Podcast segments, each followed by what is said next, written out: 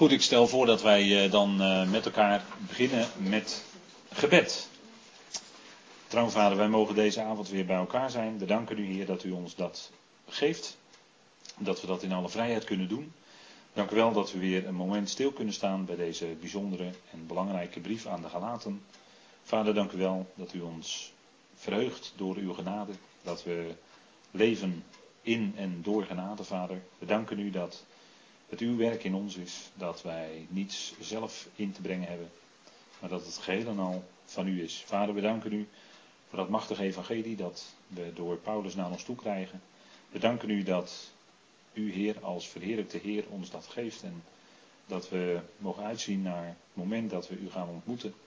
Heer, dank u wel dat we er vast van overtuigd zijn dat het niet zo heel erg lang meer zal duren. Dank u wel, Heer, dat we mogen leven in die verwachting, dat u ons een vroegere verwachting geeft in Christus dan Israël, die ook een geweldige verwachting hebben. Maar dank u dat wij eerder die ontmoeting hebben. En dank u wel, Vader, dat we daarop mogen zien en tot die tijd duidelijk ook mogen onderscheiden wat de juiste lijnen zijn in uw woord. En daar is deze brief aan de gelaten zo belangrijk voor, Heer. Dank u wel dat u hem uw woord gegeven heeft en dat het duidelijk laat zien hoe de lijnen lopen, hoe zaken liggen. En dat we ons daarover mogen verheugen, omdat we zien dat zo alles op zijn plaats valt. Vader, dank u wel dat u een groot God bent, dat u ons leven in uw hand heeft. Wat er ook gebeurt, vader, we mogen weten dat het nooit buiten uw liefde omgaat. En vader, mogen we ook zo eh, naar elkaar kijken, dat we weten dat elkaars leven ook in uw hand is. En vader, dat we ook in die afhankelijkheid voor elkaar kunnen bidden we danken u, Heer, dat u ons zo rijk maakt in dat machtige evangelie van genade. Dank u wel dat we ook zo vanavond geleid mogen worden. En dat bidden we u ook, Vader, dat u ons leiden door uw geest in de waarheid van uw woord.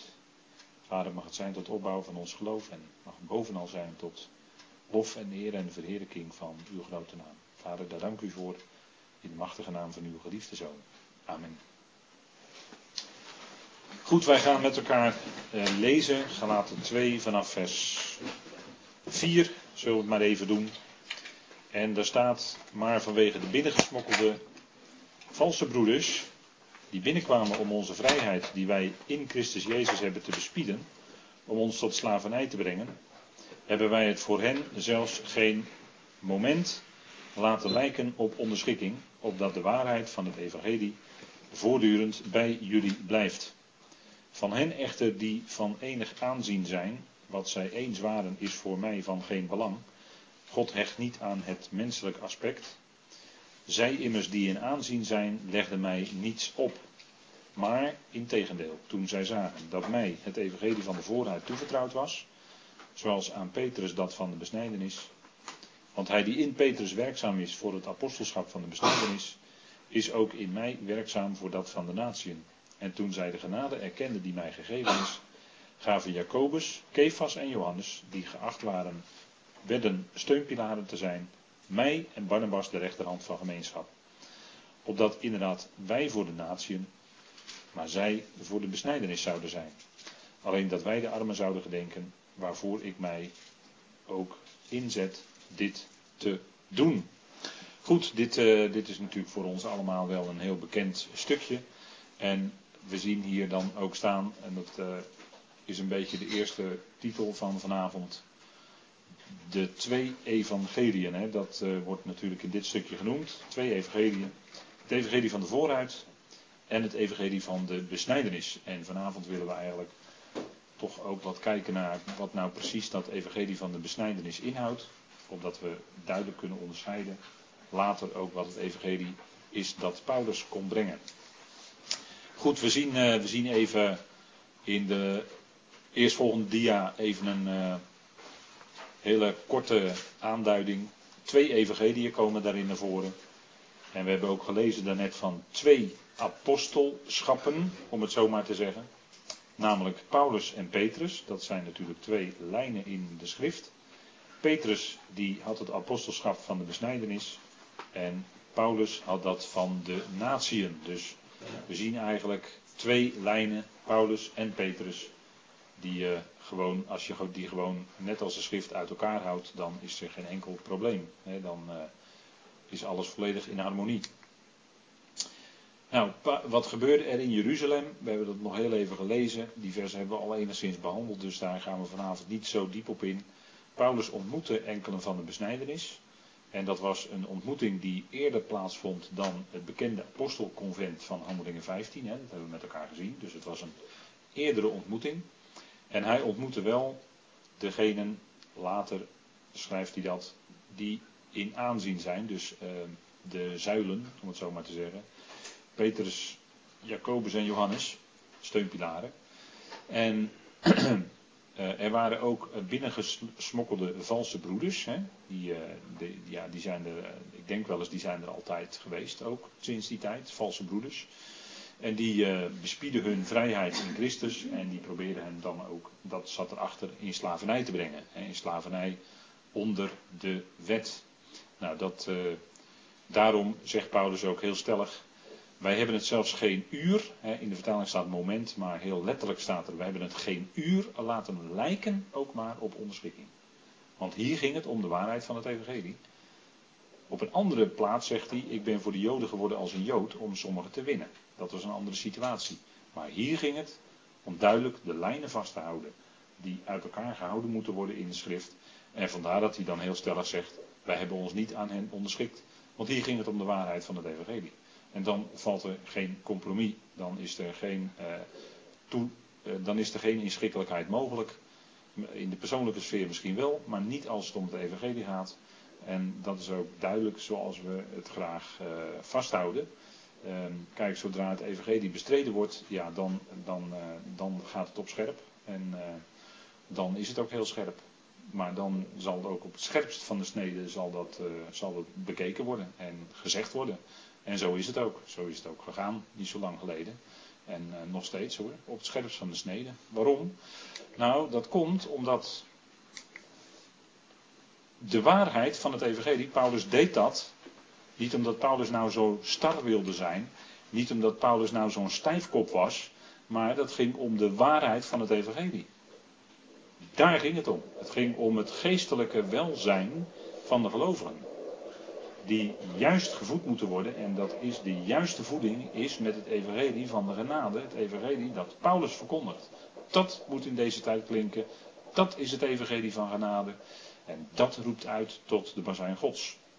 En daarom, dat is ook de waarheid van het evangelie. Hè?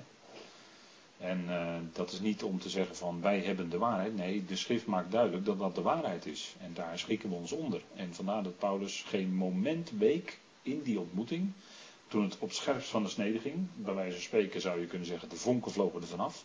Dat zal wel, maar die waarheid van het evangelie, die zou moeten blijven.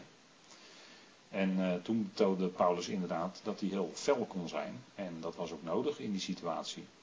Want Paulus was namelijk gesteld, zegt hij in Filippenzen 2, vers 17. Daar spreekt hij ook over tegenstand en over broeders die op een of andere manier eh, hem het leven eh, nog veel moeilijker wilde maken, de verdrukkingen voor hem zwaarder wilde maken. Maar ook in Filippenzen zegt hij dat hij niet wijkt, want hij was gesteld tot verdediging van het evangelie. En dat deed hij ook. En daar was hij voor geroepen. Om het evangelie te brengen, het evangelie van de vooruit. En om dat te verdedigen, om dat vast te houden en om dat te blijven laten klinken. En uh, hoe dan ook, het moest blijven klinken en God gaf de mogelijkheden, God gaf de weg. En uh, zo is het eigenlijk sindsdien steeds gegaan. Hè. Steeds mensen die Paulus wilden volgen hebben het moeilijk gehad. Die werden vroeger werd de, werden de mensen die echt uh, Jezus gingen volgen toen Jezus op aarde rondwandelde, werden ze uit de synagogen geworpen. Vervolgens ging Paulus prediken, die werd ook uit de synagogen geworpen. En met aanslagen, moordaanslagen op zijn leven hoor. Dus dat ging nog wel heel heftig toe als je handelingen leest. Diverse moordaanslagen op zijn leven. Dus dat was allemaal niet kinderachtig hoor. Maar uh, hij werd ook uit de synagoge geworpen. En in het vervolg, toen de kerkgeschiedenis eenmaal begonnen was. En toen men, uh, ja, toen kwamen er allerlei invloedrijke, hoe noem je dat, kerkvaders. Ik noem maar eentje, Augustinus. Hè. Die, uh, Die wordt door vele theologen wordt die nog vaak uh, aangehaald. Hè? Dat lees je dan wel eens zo in de krant. Dan bespreekt men een belangrijk onderwerp. En dan uh, wordt de hele krantenpagina volgeschreven. En dan aan het eind wat Augustinus ervan zegt. Dus dat is dan een soort sluitend. Hè? Dat is dan het sluitstuk, zeg maar. Dat is dan een soort gezaghebbend of zoiets. Maar Augustinus, wat heeft hij gedaan? Die heeft de hele toekomst heeft hij weggeredeneerd. Die zei, nee joh, er is helemaal geen duizendjarig rijk. Joh. Dat is allemaal symbolisch, dat moet je niet zo letterlijk nemen. Dat is allemaal symbolisch. Nou, Augustinus, die hoog in ere staat, nou, die heeft een hoop wat dat betreft uh, de nek omgedraaid hoor. Qua toekomstverwachting en qua uh, wat, wat er met, uh, met ongelovigen gebeurt en dergelijke. Dat soort zaken. Moet je niet, als u het mij vraagt, moet je juist niet bij Augustinus zijn. Ik zou zeggen, je moet bij Paulus zijn. En dan moet je gewoon wat verder terug in de tijd. En uh, dat is dan wat ouder. Maar ik denk dat ouder vaak toch vaak nog wat uh, beter dichter bij de bron is. En dus beter is dan alles wat zich nieuw aandient en modern is. En hè, wat dat betreft uh, is er aan Paulus helemaal niks oudbolligs. Helemaal niks. Paulus is gewoon ontzettend actueel. En je hebt, hem, je hebt gewoon die boodschap nodig die hij bracht. Dus hij was gesteld tot verdediging van het evangelie. En in de loop van de kerkgeschiedenis, dat wilde ik eigenlijk gaan zeggen, zijn degenen die Paulus gingen volgen, of enigszins Paulus gingen volgen, die werden altijd eruit gegooid. Uit de kerk of wat dan ook, of uit de, uit de groep waar ze in waren. Maar zodra men dus meer de Bijbel, dus en ook Paulus gingen volgen, werd men eruit gegooid. En ik zal u de besparen wat er al, maar er is ook bloed gevloeid, laat ik het gelijk zo maar zeggen dan. Er is ook bloed gevloeid, letterlijk bloed. Dus uh, wat dat betreft uh, is er nog wel heel wat. Uh... Dus ja, als je, maar dat is als je de waarheid volgt. Hè? Dat, Paulus werd ook eruit gegooid en die werd ook op zijn leven bedreigd. Hè, er werden diverse moordaanslagen tegen hem beraamd. En als ze hadden gewild, hadden ze hun zin gekregen. Dan had Paulus niet zo lang geleefd. En dat was omdat hij de waarheid bracht. Hè? En daar ging die, ja, daar ging die dwars door. Daar wilde hij zijn leven voor geven. Alsjeblieft. Hij wilde zijn leven geven voor de waarheid. Hè? De waarheid van het evangelie. Nou, dat is wat hoor. Als je dus je leven op het spel zet, je hele leven, voor die waarheid. Nou, dat is wat. Als het erop aankomt om daar dan bij te blijven. Nou, dat is heel wat hoor. Als het er echt op aankomt. Goed.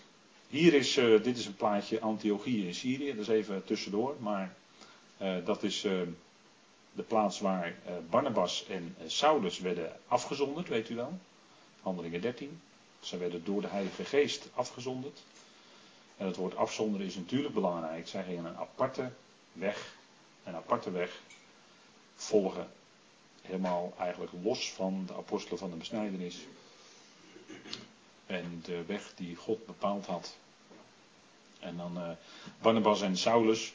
Of uh, Paulus en Barnabas. En dan moet ik toch altijd aan het ene liedje denken. Hè? Paulus en Barnabas brachten de boodschap. Paulus en Barnabas brachten het woord. Dat heeft ooit in Maren in de musical geklonken. Maar dat liedje komt nog altijd bij me boven. En dat is gewoon een mooi liedje. Om, weet u waarom? Omdat het zegt wat er gebeurd is. En welke boodschap ze gingen brengen. Nou, dus dat is, dat is dan muziek in je oren. Nou, uh, Antiochieën in Syrië, daar werden ze afgezonderd. De Heilige Geest zei dat, zondert mij nu Barnabas en Saulus af voor het werk waartoe ik hen uitgekozen heb. En dat is natuurlijk het grote werk wat zij uh, moesten gaan doen. En uh, dat is wat we, uh, ja, wat, wat vandaag aan de dag gelukkig nog steeds mag klinken. En dan zegt hij, in, dat is in, inmiddels zitten we dan in vers 6.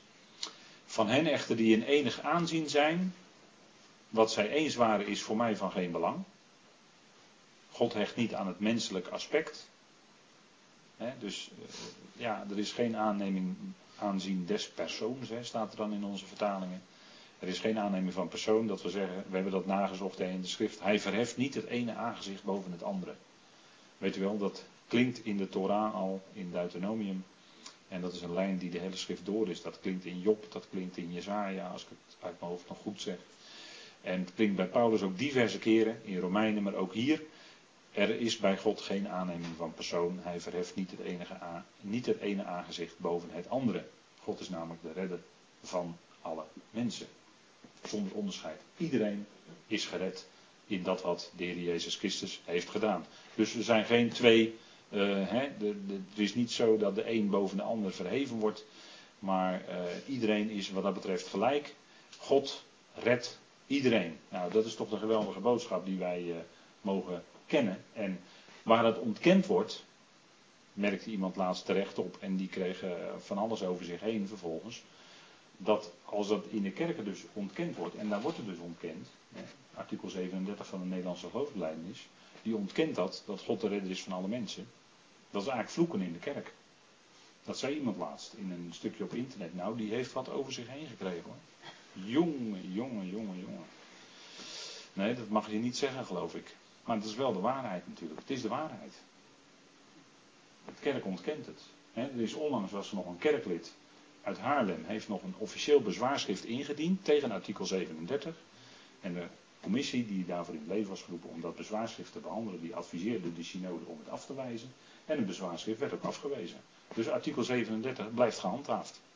U ziet dus dat de kerk gewoon blijft bij de leer die de heren en dames theologen zelf ook kunnen lezen. Dat de ongelovige voor eeuwig moet branden in de hel. Dat zegt artikel 37 en niets minder dan dat. En dit is gewoon de waarheid. Dit is gewoon de waarheid. En zoals het gebracht wordt in de kerk, hè, dat bedoel ik met waarheid, zo wordt het gebracht. Dus, en dat bezwaarschrift heeft maar weer aangetoond dat men dus dat de officiële leer is en dat men dus ook niet bereid is daarvan terug te komen. Niet bereid is om de schrift daarop te bevragen opnieuw en om daarop terug te komen. Dat, dat is men dus niet.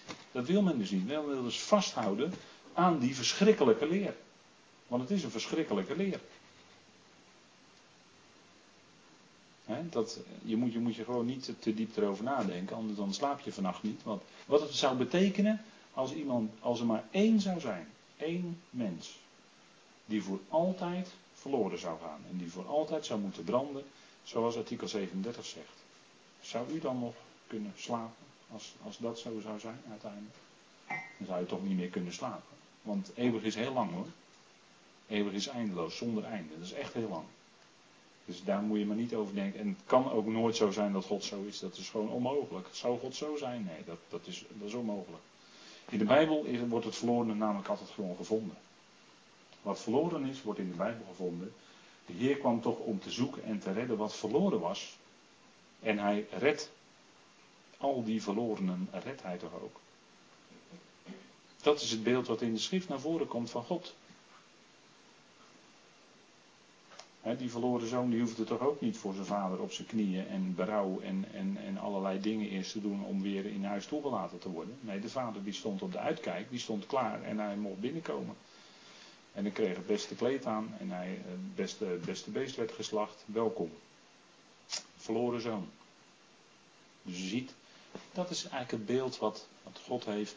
En zo is God. Hè? En het andere is gemaakt, maakt gewoon zo'n karikatuur van het beeld van God. Maakt zo'n karikatuur van God. Dat is gewoon verschrikkelijk. En, en voor die waarheid ging Paulus natuurlijk door. Hè? Paulus mocht die boodschap voluit brengen. Nou, dat, dat is natuurlijk een boodschap die werkelijk God eert. Die werkelijk een juist beeld van God geeft. Die werkelijk laat zien wie God echt is. God is een God van liefde. En uiteindelijk komt ieder mens terecht. En natuurlijk moeten allerlei dingen gebeuren. De grote witte troon en er moet een gericht zijn. En dat, dat is ook allemaal zo. Gaat ook allemaal niet vanzelf. Maar uiteindelijk blijkt wel, zal wel blijken dat het werk wat de zoon heeft gedaan voor iedereen voldoende was. Voor iedereen was dat werk gewoon compleet af. Hij heeft voor iedereen betaald. Er is betaald. het is allemaal, de losprijs is al betaald voor die, heel die mensheid. En dat is, dat is natuurlijk, dat is het evangelie. Dat is ook werkelijk goed nieuws. Al het andere kan geen evangelie zijn. Dus dat is, uh, en, en daar ging Paulus natuurlijk voor. Hè. Nou, dat. Uh, en, en op dat moment dat het er dus op aankwam, hè, even terug naar Galaten 2. Op het moment dat het dus op aankwam dat hij dus een ontmoeting had met degene die in aanzien waren, die, uh, van die, die in de, in de, in de, bij Israël uh, heel erg belangrijk waren, die vooraanstaand waren, Petrus, Jacobus en Johannes. Uh, Nou, wat, wat bleek toen? Zij immers die in aanzien waren, legden mij niets op. En is dat niet een bewijs en een erkenning, hè, een bewijs van erkenning, dat, dat dus uh, Paulus met zijn medewerkers volledige erkenning kregen van uh, hoe zij bezig waren, maar ook met welke boodschap ze bezig waren, want dat blijkt hier ook, hè, Evangelie van de vooruit. Dus met een andere boodschap waarvan de apostelen toen waarschijnlijk lang niet alles begrepen hoor. Hoe dat precies al, hoe dat in elkaar zat en wat daar de diepte van was. Dat hebben ze toen ook niet kunnen. En Peter zegt dat later ook in zijn tweede brief. Hè. Maar het was wel een bewijs van erkenning en van de vrijheid die Paulus en zijn medewerkers kregen om door te gaan met dat evangelie. Om in dat apostelschap verder te gaan. Dus er was gewoon volledige erkenning. En het was niet zo van. Uh, ze, moesten dat hele evangelie checken of het allemaal wel klopte. Nee, daar ging het helemaal niet om. Het ging er gewoon om dat er gewoon twee duidelijk verschillende evangelieën waren. En zij kregen erkenning om dat andere, totaal andere evangelie, dat te gaan brengen. Dat door te gaan om dat te brengen. Want Paulus was toen al, al behoorlijke tijd bezig. En misschien al, al bijna twintig jaar hebben we gezien. Dus om daar gewoon mee door te gaan. In het apostelschap wat hem toevertrouwd was. Wat hij van de verheerlijkte Heer had ontvangen. En er was volledige erkenning. Dus, en vrijheid om door te gaan. Hè. Daar ging het om. Het ging niet om, om het toetsen van inhoudelijk van, van iets. Dat, dat was totaal niet aan de orde toen. Maar ze konden wel doorgaan. Dat is een heel belangrijk moment natuurlijk geweest. Ja, uh, en dat is ook wat, uh, wat Paulus later zelf zegt als hij aan de Corinthiërs schrijft. Hè, dat ook een gelovige nu vandaag de dag uh, gelooft. En het gaat er niet om dat, dat zij dan van persoon tot persoon moeten bepalen, dat geloof jij? Nee, God geeft een iedere mate van het geloof, weet u wel. Maar hij zegt ook, niet dat wij heersen, zegt Paulus tegen Corinthiërs, waar veel verdeeldheid was en ook weerstand tegen Paulus enzovoort. Maar hij zegt wel, niet dat wij heersen over jullie geloof, maar we zijn mede-arbeiders aan jullie vreugde, want jullie staan vast door het geloof. Dus het was niet zo dat Paulus dan iemand is die heerste over dat geloof van de Corinthiërs. Nee, hij bracht het evangelie. Hij voelde dat geloof wel. Maar hij uh, kon natuurlijk niet voor iedereen individueel bepalen van uh, uh, iedereen moet dan op hetzelfde moment even ver zijn. Nee, God geeft er iedere mate van het geloof. Dat zegt hij in Romeinen 12 ook. Hè? En daar kon hij ook niet over heersen, want geloof is ook weer een individuele zaak. Geloof heb je voor het aangezicht van God. Je gelooft God. En hoe ver je daarin gelooft, nou, de een die zal wat verder en wat dieper kunnen geloven. En wat, wat dieper eh, verder op weg zijn dan de ander. Ja, goed, het zij zo, maar daar kun je elkaar nooit op aankijken. Vandaar dat Paulus ook zegt: Wij heersen niet over jullie geloof, maar we zijn medearbeiders aan jullie vreugde. En vreugde is het woord voor genade. Hè? Dus daar zien we weer die gedeelde genade die hij had met die Corinthiërs. En hij zegt ook, jullie staan vast door het geloof. Als je eenmaal vaststaat in dat evangelie, dan is dat iets fantastisch, want dat is wat God je geeft, dat je met beide benen vast in dat evangelie staat. En dat je daarin eh, rotsvast overtuigd bent. God zal al zijn beloften waarmaken, want dat staat ook in dit stukje van 2 Korinthe. Dat al die beloften van God die er zijn, die zijn ja en amen in Christus Jezus, weet u wel, die bekende tekst. Al die beloften zal God waarmaken. Ze zijn ja en amen. Amen is het Hebreeuwse woord. Amen betekent het is betrouwbaar. En er zit ook geloof in en er zit ook waarheid in, in dat begrip amen. dat heeft allemaal zo in het Hebreeuws een beetje met elkaar te maken. Nou, al die beloften van God die er zijn, die zijn ja en amen in Christus Jezus. Het is geen, wij kunnen misschien persoonlijk wel eens misschien even een moment hebben van ja, hoe zit het nou? Of even de draad kwijt zijn of de lijn kwijt zijn. Dat maakt helemaal niet uit. God vervult gewoon zijn belofte. Ook al zouden wij als gelovigen, als echte gelovigen, een verkeerde verwachting hebben. Van dat we denken van ja, misschien gaan we wel door de grote verdrukking heen. Of, maar als je echte gelovige bent, dan zal God niet jouw geloof daarin of jouw verwachting daarin. Nee, waarmaken. Nee, hij zal waarmaken wat hij beloofd heeft als het bazuin klinkt, gaat iedereen weggerukt worden van deze aarde. En we ontmoeten de Heer in de lucht. Dat geldt voor iedereen op dat moment. Iedereen tegelijk. En sommige echte gelovigen die hebben soms een hele wonderlijke verwachting. En als je, ja, dan leg je de schrift naast, denk je van ja, dat, ik vraag me toch echt af of dat nou wel juist is wat jij verwacht. Maar wat God gaat doen is natuurlijk wat de schrift zegt. Die gaat niet, die gaat niet onze verwachting vervullen, maar hij gaat doen wat hij beloofd heeft in de schrift. Wat er staat, dat gaat hij doen.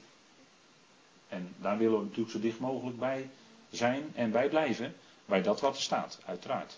En uh, nou goed, uh, voor zover we dat uh, kunnen zien, om het zo maar te zeggen, en dan zeg ik het heel voorzichtig, zal God het zo gaan doen dat hij de tijd van de genade, en dat is eigenlijk ook logisch, afsluit met het moment van de bazuin van God.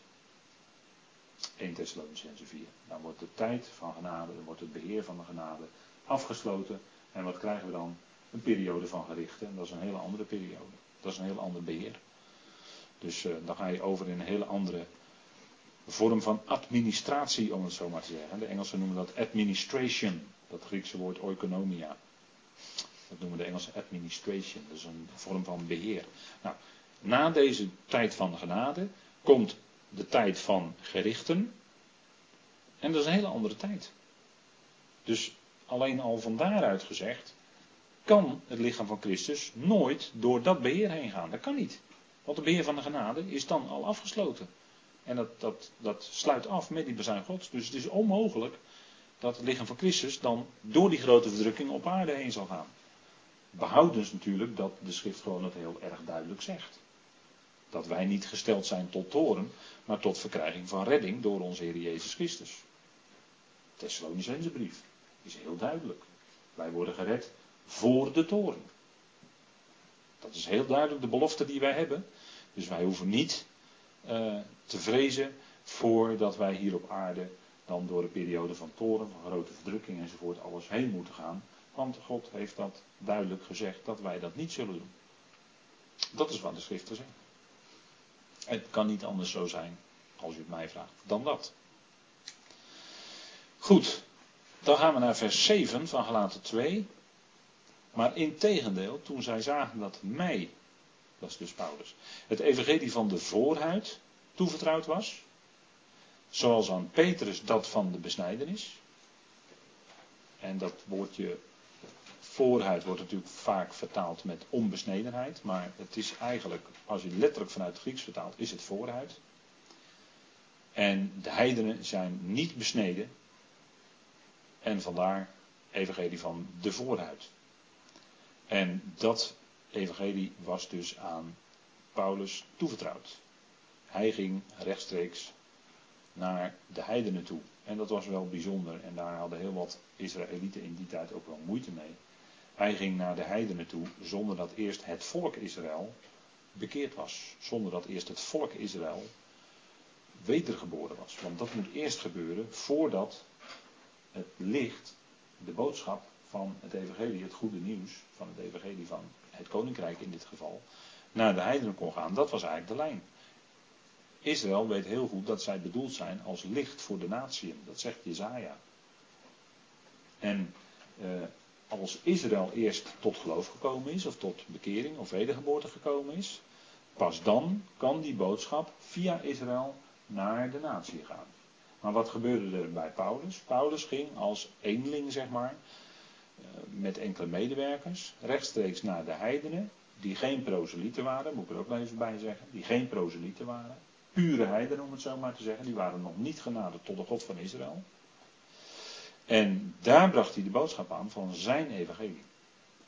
En dat wil zeggen het evangelie van de voorhuid. Dus het evangelie wat eigenlijk betrekking heeft, moet ik zeggen, op alle natieën. Hè? Want enkelen uit Israël, hè, sommigen uit Israël, gingen Paulus volgen. En die horen ook bij het lichaam van Christus. En anderen die Paulus in die tijd niet gingen volgen, die hoorden dus niet bij het lichaam van Christus, maar die, gingen, die stonden in de lijn van Petrus. Hier laat ik het nu even bij, want het wordt straks nog even iets moeilijker. Maar goed, daar komen we wel op. En aan Petrus was het evangelie van de besnijdenis toevertrouwd. Nu zitten we hier met een stukje vertaling. Kijk, wij zeggen vanuit het Grieks is het het evangelie van de vooruit. En Petrus het evangelie van de besnijdenis. Dat is ook wat in het Grieks staat. Hè. Er staat hier gewoon, uh, ja, sorry even voor de taal, uh, even een kleine taaloefening om het zo maar te zeggen. Er staat in het Grieks een genitief, een tweede naamval. Wat wil de genitief zeggen? Genitief wil zeggen, het komt eruit voort. Genitief duidt op de oorsprong, dat wil zeggen van. Uh, een hele andere bekende genitief is het koninkrijk van de hemelen. Dat wil zeggen, het wijst op de oorsprong. Het komt namelijk uit de hemelen, van de God des hemels. Maar het komt op aarde. Dat is het koninkrijk van de hemelen. Evangelie van de vooruit heeft dus te maken met een evangelie dat gebracht wordt rechtstreeks aan de natieën. En dus, in zekere zin, heeft het, is het ook van de natieën. Van is natuurlijk ook iets wat te maken heeft met bezit. Het is het evangelie van de natieën. En bij Petrus ging het om het evangelie van de besnijdenis. Dat, dus een genitief moet je gewoon normaal vertalen met, met in het Nederlands met van. Nu staat er in sommige vertalingen aan. Onder andere helaas in de herziende statenvertaling. Helaas, helaas. Gemiste kans. Want ze hadden gewoon bij de oude statenvertaling moeten blijven. Oude statenvertaling zegt gewoon keurig netjes hier. Tweede naamval. Der of van de. Prima vertaald. Maar je kan hier niet vertalen aan. Zoals een, hè, want dan zou je veronderstellen dat er één evangelie is.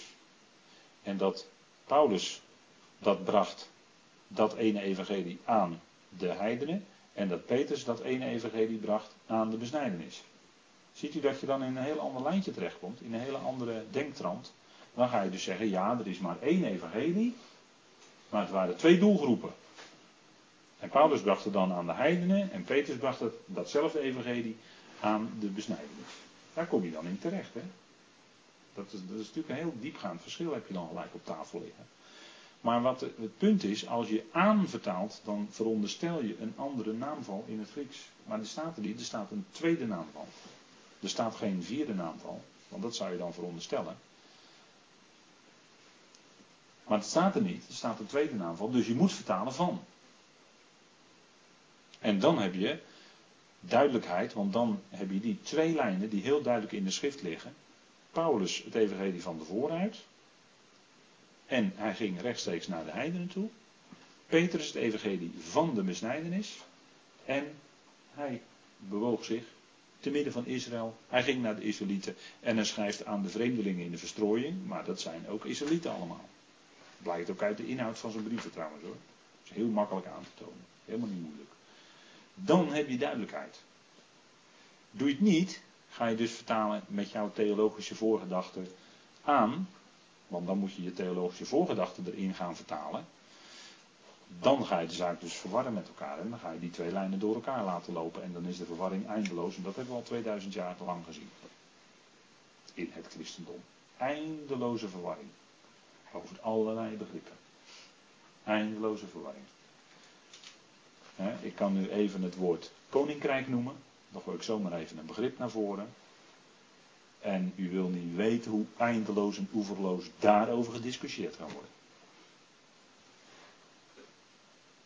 En dan denken mensen wel eens van ja, maar het zit dan toch anders met het koninkrijk en het evangelie van het koninkrijk. En ik denk dat koninkrijk, ja, let op hè, ik denk dat, dat wordt er vaak gezegd hè, ik denk.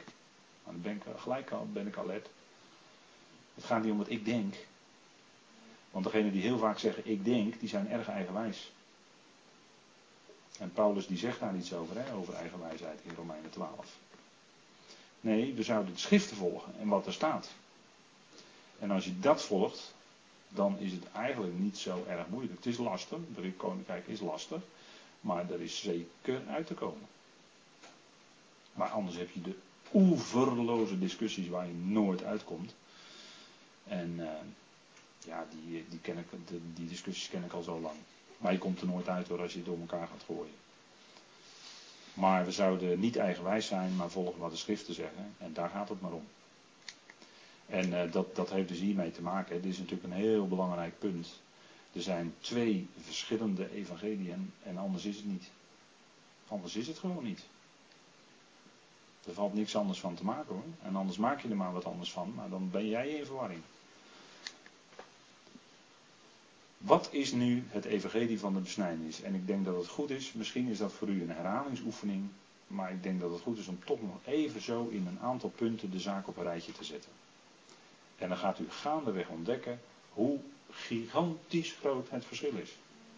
Hoe diepgaand ook het verschil is. Tussen de twee evangeliën. Ik denk dat het gewoon erg belangrijk is. Want er heerst vandaag zoveel verwarring over. Dat als je, je, je bent soms verbaasd als je sommige dingen leest. Dat je denkt, hoe is het mogelijk dat men daarbij komt? Maar goed, ook dat is, weet ik wel, ehm, de helderheid en, en het inzicht erin moet je ook door God gegeven worden. Dat weet ik wel. Maar als je de schriften nauwkeurig volgt, dan is er toch geen. Is er moeilijk iets, uh, iets tussen te krijgen uiteindelijk hoor. En wat zien we eigenlijk in de schrift? En dat is voor mensen dan wel eens moeilijk. Maar we zien vanaf Genesis 12 tot en met openbaring. En als we dan heel even de brieven van Paulus weglaten dan gaat het over hetzelfde volk, hetzelfde land, hetzelfde zoonschap, dezelfde heerlijkheid, dezelfde verbonden, dezelfde wetgeving, dezelfde dienst aan God, dezelfde beloften en dezelfde verwachting. En dat is allemaal heeft te maken met Israël. En door Israël heen natuurlijk de volkeren. Maar daar gaat het over. Het gaat alleen over Israël. En, en wat voor taak en rol zij hebben voor de volkeren. Dat is om tot zegen te zijn voor de anderen. Daar gaat het allemaal om. Maar dat is wat eigenlijk, waar de schrift eigenlijk over gaat. En, en de, heel normaal schriftprincipe is, principe om de schrift te lezen is, wie schrijft het? Aan wie werd het geschreven? Uh, eventueel wanneer werd het geschreven? Onder welke omstandigheden is ook nog van belang. En, en eh, als je dat gewoon heel nauwkeurig volgt, dan kom je eruit. En dan ga je ontdekken dat het allemaal aan Israël is gericht. Hè? Net als handelingen 2. We hebben het Pinksteren. Uh, is er weer door de kerken en alles en iedereen gevierd. Maar wat is Pinksteren? Pinksteren is niet anders dan een vervulling van wat gesproken is door de profeet Joël.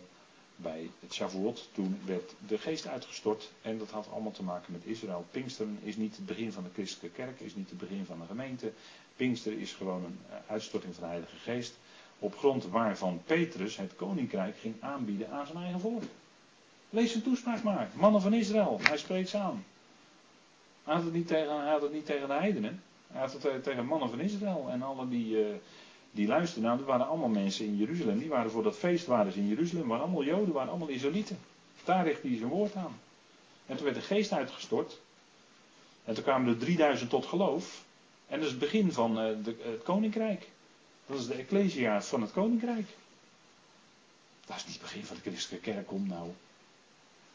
Dat heeft helemaal niets mee te maken. Het is gewoon een heel andere lijn. Dat is in de lijn van, volledig in de lijn van.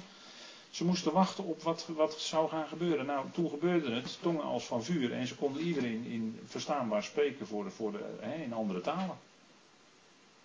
In andere talen. Ik ga, ik ga niet in over alle verschijnselen van tongentaal die we in de afgelopen 2000 jaar hebben gehad, want dan trekken we een beerput open hoor. Ja, echt. Daar, kan ik zulke vreselijke voor, maar dat ga ik niet doen.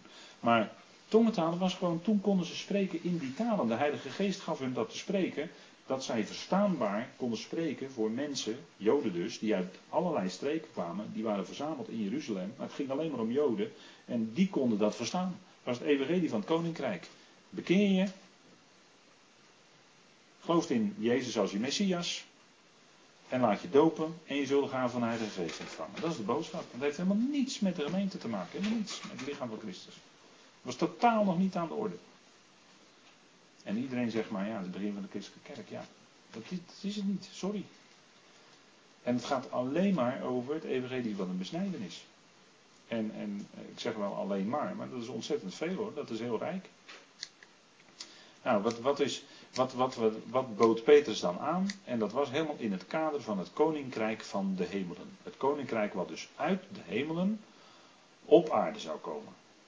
Daniel 2, vers 44. Die steen, weet u wel, die zonder handen wordt losgemaakt en die de hele aarde gaat vullen. Dat is, die steen is de Christus natuurlijk. En is een beeld ook van het koninkrijk. Maar Israël is het koninklijk priesterschap. Exodus 19. Al wat u gesproken heeft, zullen wij doen, zeiden ze. En dat was eigenlijk een verbondsluiting. Maar het was ook van de andere kant bekeken een huwelijkssluiting, een verbond tussen de Heer en Israël. En Israël verbrak het. En dat is een hele treurige geschiedenis allemaal. Maar in 1 Petrus 2 haalt Petrus die woorden opnieuw aan uit Exodus 19.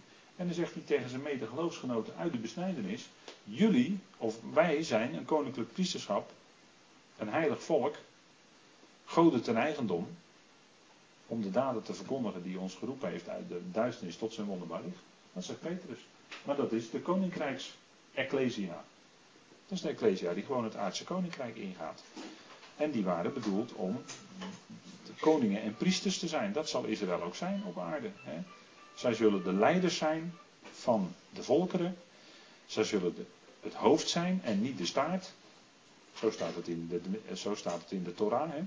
Zij zullen het hoofd zijn en niet de staart van de volkeren. En uh, dat koninklijk priesterschap. Nou, dus Petrus herhaalt dat nog eens gewoon eens een keer in 1 Petrus 2, vers 19. Jullie zijn koningen en priesters.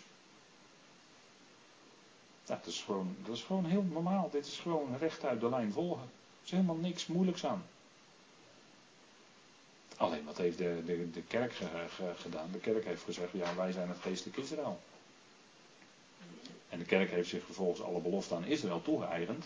En alle vervloekingen waren voor, deze, voor het, wel voor het letterlijke volk. Hè. Die waren dan niet voor de kerk, maar alle vervloekingen in de profeten, alle oordelen, die waren wel voor het volk Israël letterlijk. Maar alle zegeningen, die waren dan weer voor de kerk. Hè, dat, zo hebben ze de zaak vergeestelijkt en weggeredeneerd. En ze hebben zichzelf in de plaats gesteld van Israël. Maar de kerk is niet Israël. En wat de kerk wel is, ja, zo langzamerhand ben ik eigenlijk een beetje het spoor bijster wat de kerk nou wel is. Het hangt er ergens een beetje tussenin, denk ik wel eens. Ik weet, het niet precies. Ja, goed. Maar Israël is het koninklijk priesterschap. Dat is gewoon luid en duidelijk. Hè? Het volk wat uitgeleid was, die, die waren bedoeld koning en priesters te zijn. En Petrus herhaalt dat gewoon. Nou, hij staat gewoon volledig in de lijn van het koninkrijk. Het is allemaal prima. Niks mis mee. Het gewoon rechtuit de lijn volgen. Zodra je dus iemand hoort zeggen dat wij als gelovigen koning en priester zijn, dan moet je op palet gaan. Want dan denk je, ja, nu zijn ze bezig de lijntjes met elkaar te verwarren. Nu passen ze de verkeerde teksten toe op zichzelf. En dat kan je niet doen. Hetzelfde als dat je zegt dat de gemeente de bruid is. Pakken we die er gelijk nog even bij. Hetzelfde zeggen als de gemeente de bruid is, staat nergens in de schrift hoor. Als ik zou zeggen, toon mij dat aan waar dat staat, dan staat gewoon nergens. De gemeente is niet de bruid. Staat, staat nergens. Dat, dat is mijn probleem altijd ook als we, dan in, in, als we dan soms iets zingen, dan ja, hou ik toch regelmatig mijn mond, sorry. Maar sommige dingen kan ik echt niet meezingen.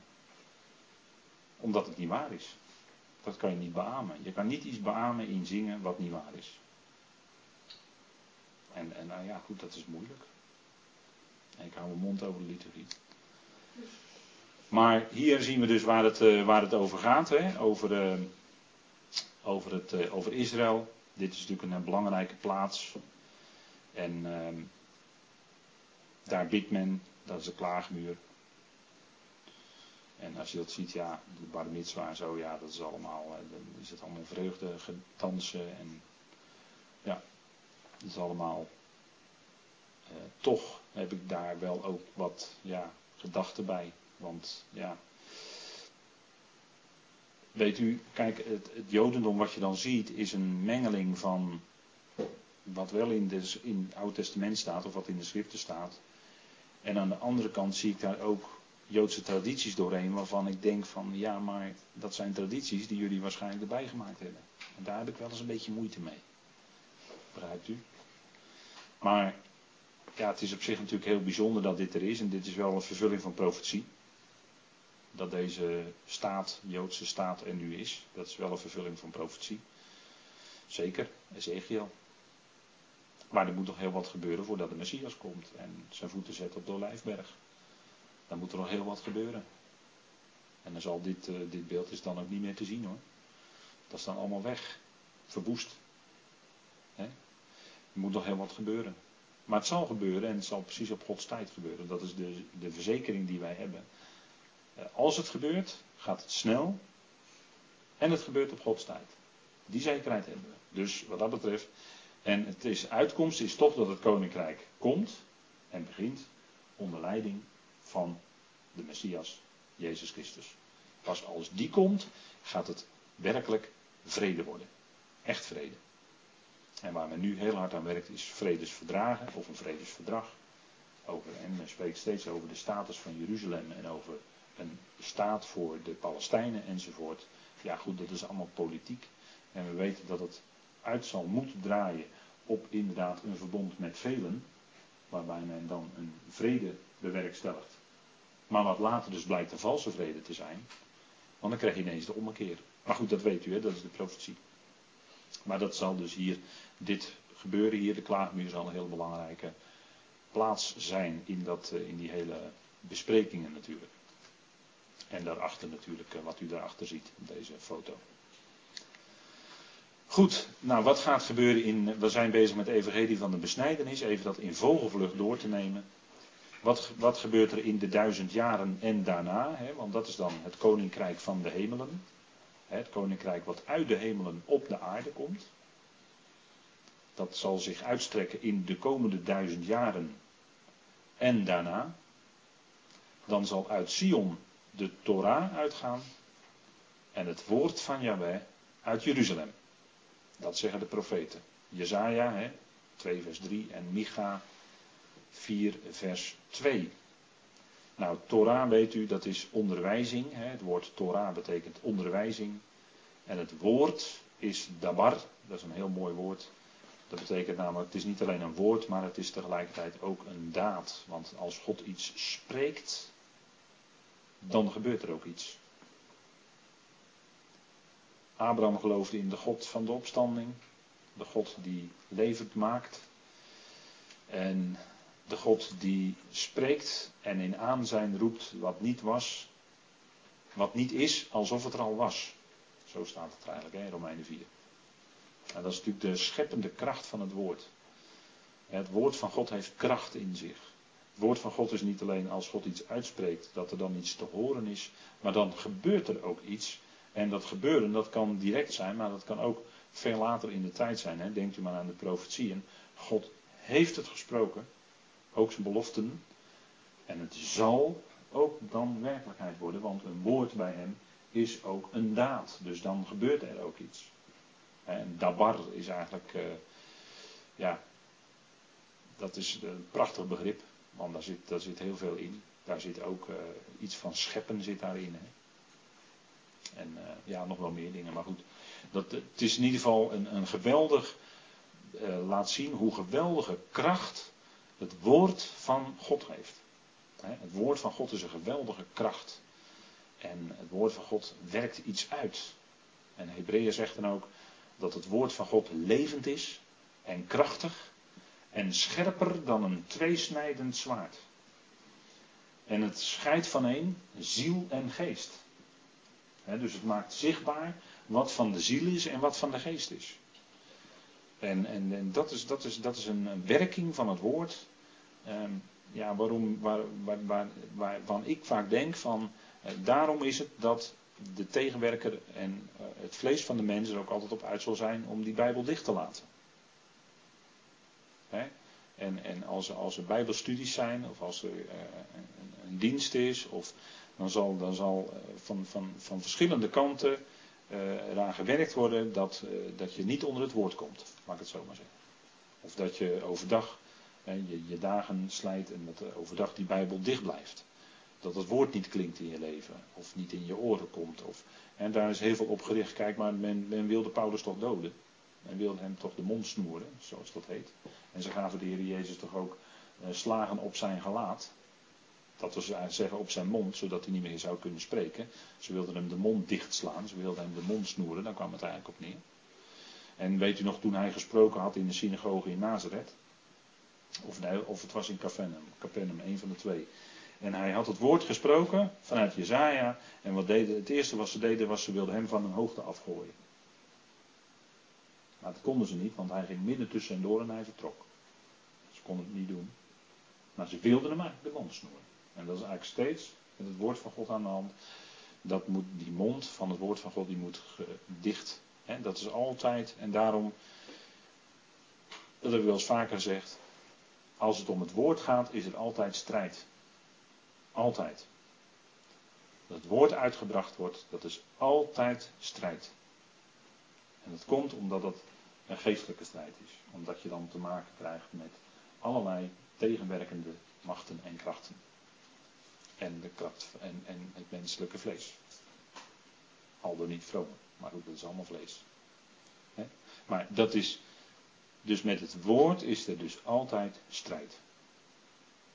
En dat is, de, en dat is waar, uh, waar de apostel Paulus natuurlijk uh, uitgebreid uh, mee te maken had. Nou, dat, zo zal het wel zijn, want dan is de Satan gebonden enzovoort. Hè, dat weet je wel, hè, tijdens het duizend jaar rijk is die gebonden in de abyssos. Deksel erop, verzegelaar dicht. Dring blijven jij duizend jaar lang. En dan uh, is het natuurlijk een hele andere situatie. Dan zal het tijden van verademing zijn, van verkoeling voor het aangezicht des Heren. Dan zal de vervallen wit van David weer opgebouwd worden enzovoort. Dat staat allemaal in handelingen. Dat is ook allemaal evangelie van het koninkrijk van de besnijdenis. Wat zal dan zo zijn in die komende tijden, in de komende eonen op aarde? De aarde zal vol worden van de kennis van de heerlijkheid van Yahweh, zoals het water de zee bedekt. Habakkuk een merkwaardige profeet, maar wel een hele boeiende en mooie profeet hoor, om te lezen.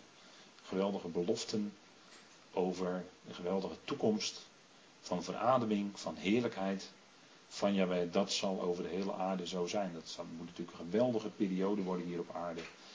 En uh, voor de volkeren en verademing, die zullen helemaal tot rust komen. En de shalom zal bewaakt worden met een ijzeren roede, dat wel hoor. Door de Heer Jezus Christus zelf. Hè met een ijzeren roede, Psalm 2.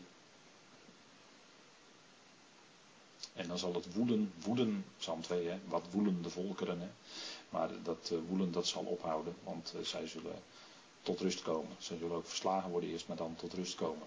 Nou, het zal vol, worden van de kennis van de heerlijkheid van Yahweh. En kennis betekent niet alleen puur wat je in je verstand opslaat. Maar kennis, het Hebreeuwse woord, betekent ook omgang hebben met communicatie, omgang, verbinding. Dat zit er allemaal in. Van de heerlijkheid van Yahweh, de kaboot, hè? de kaboot van Yahweh.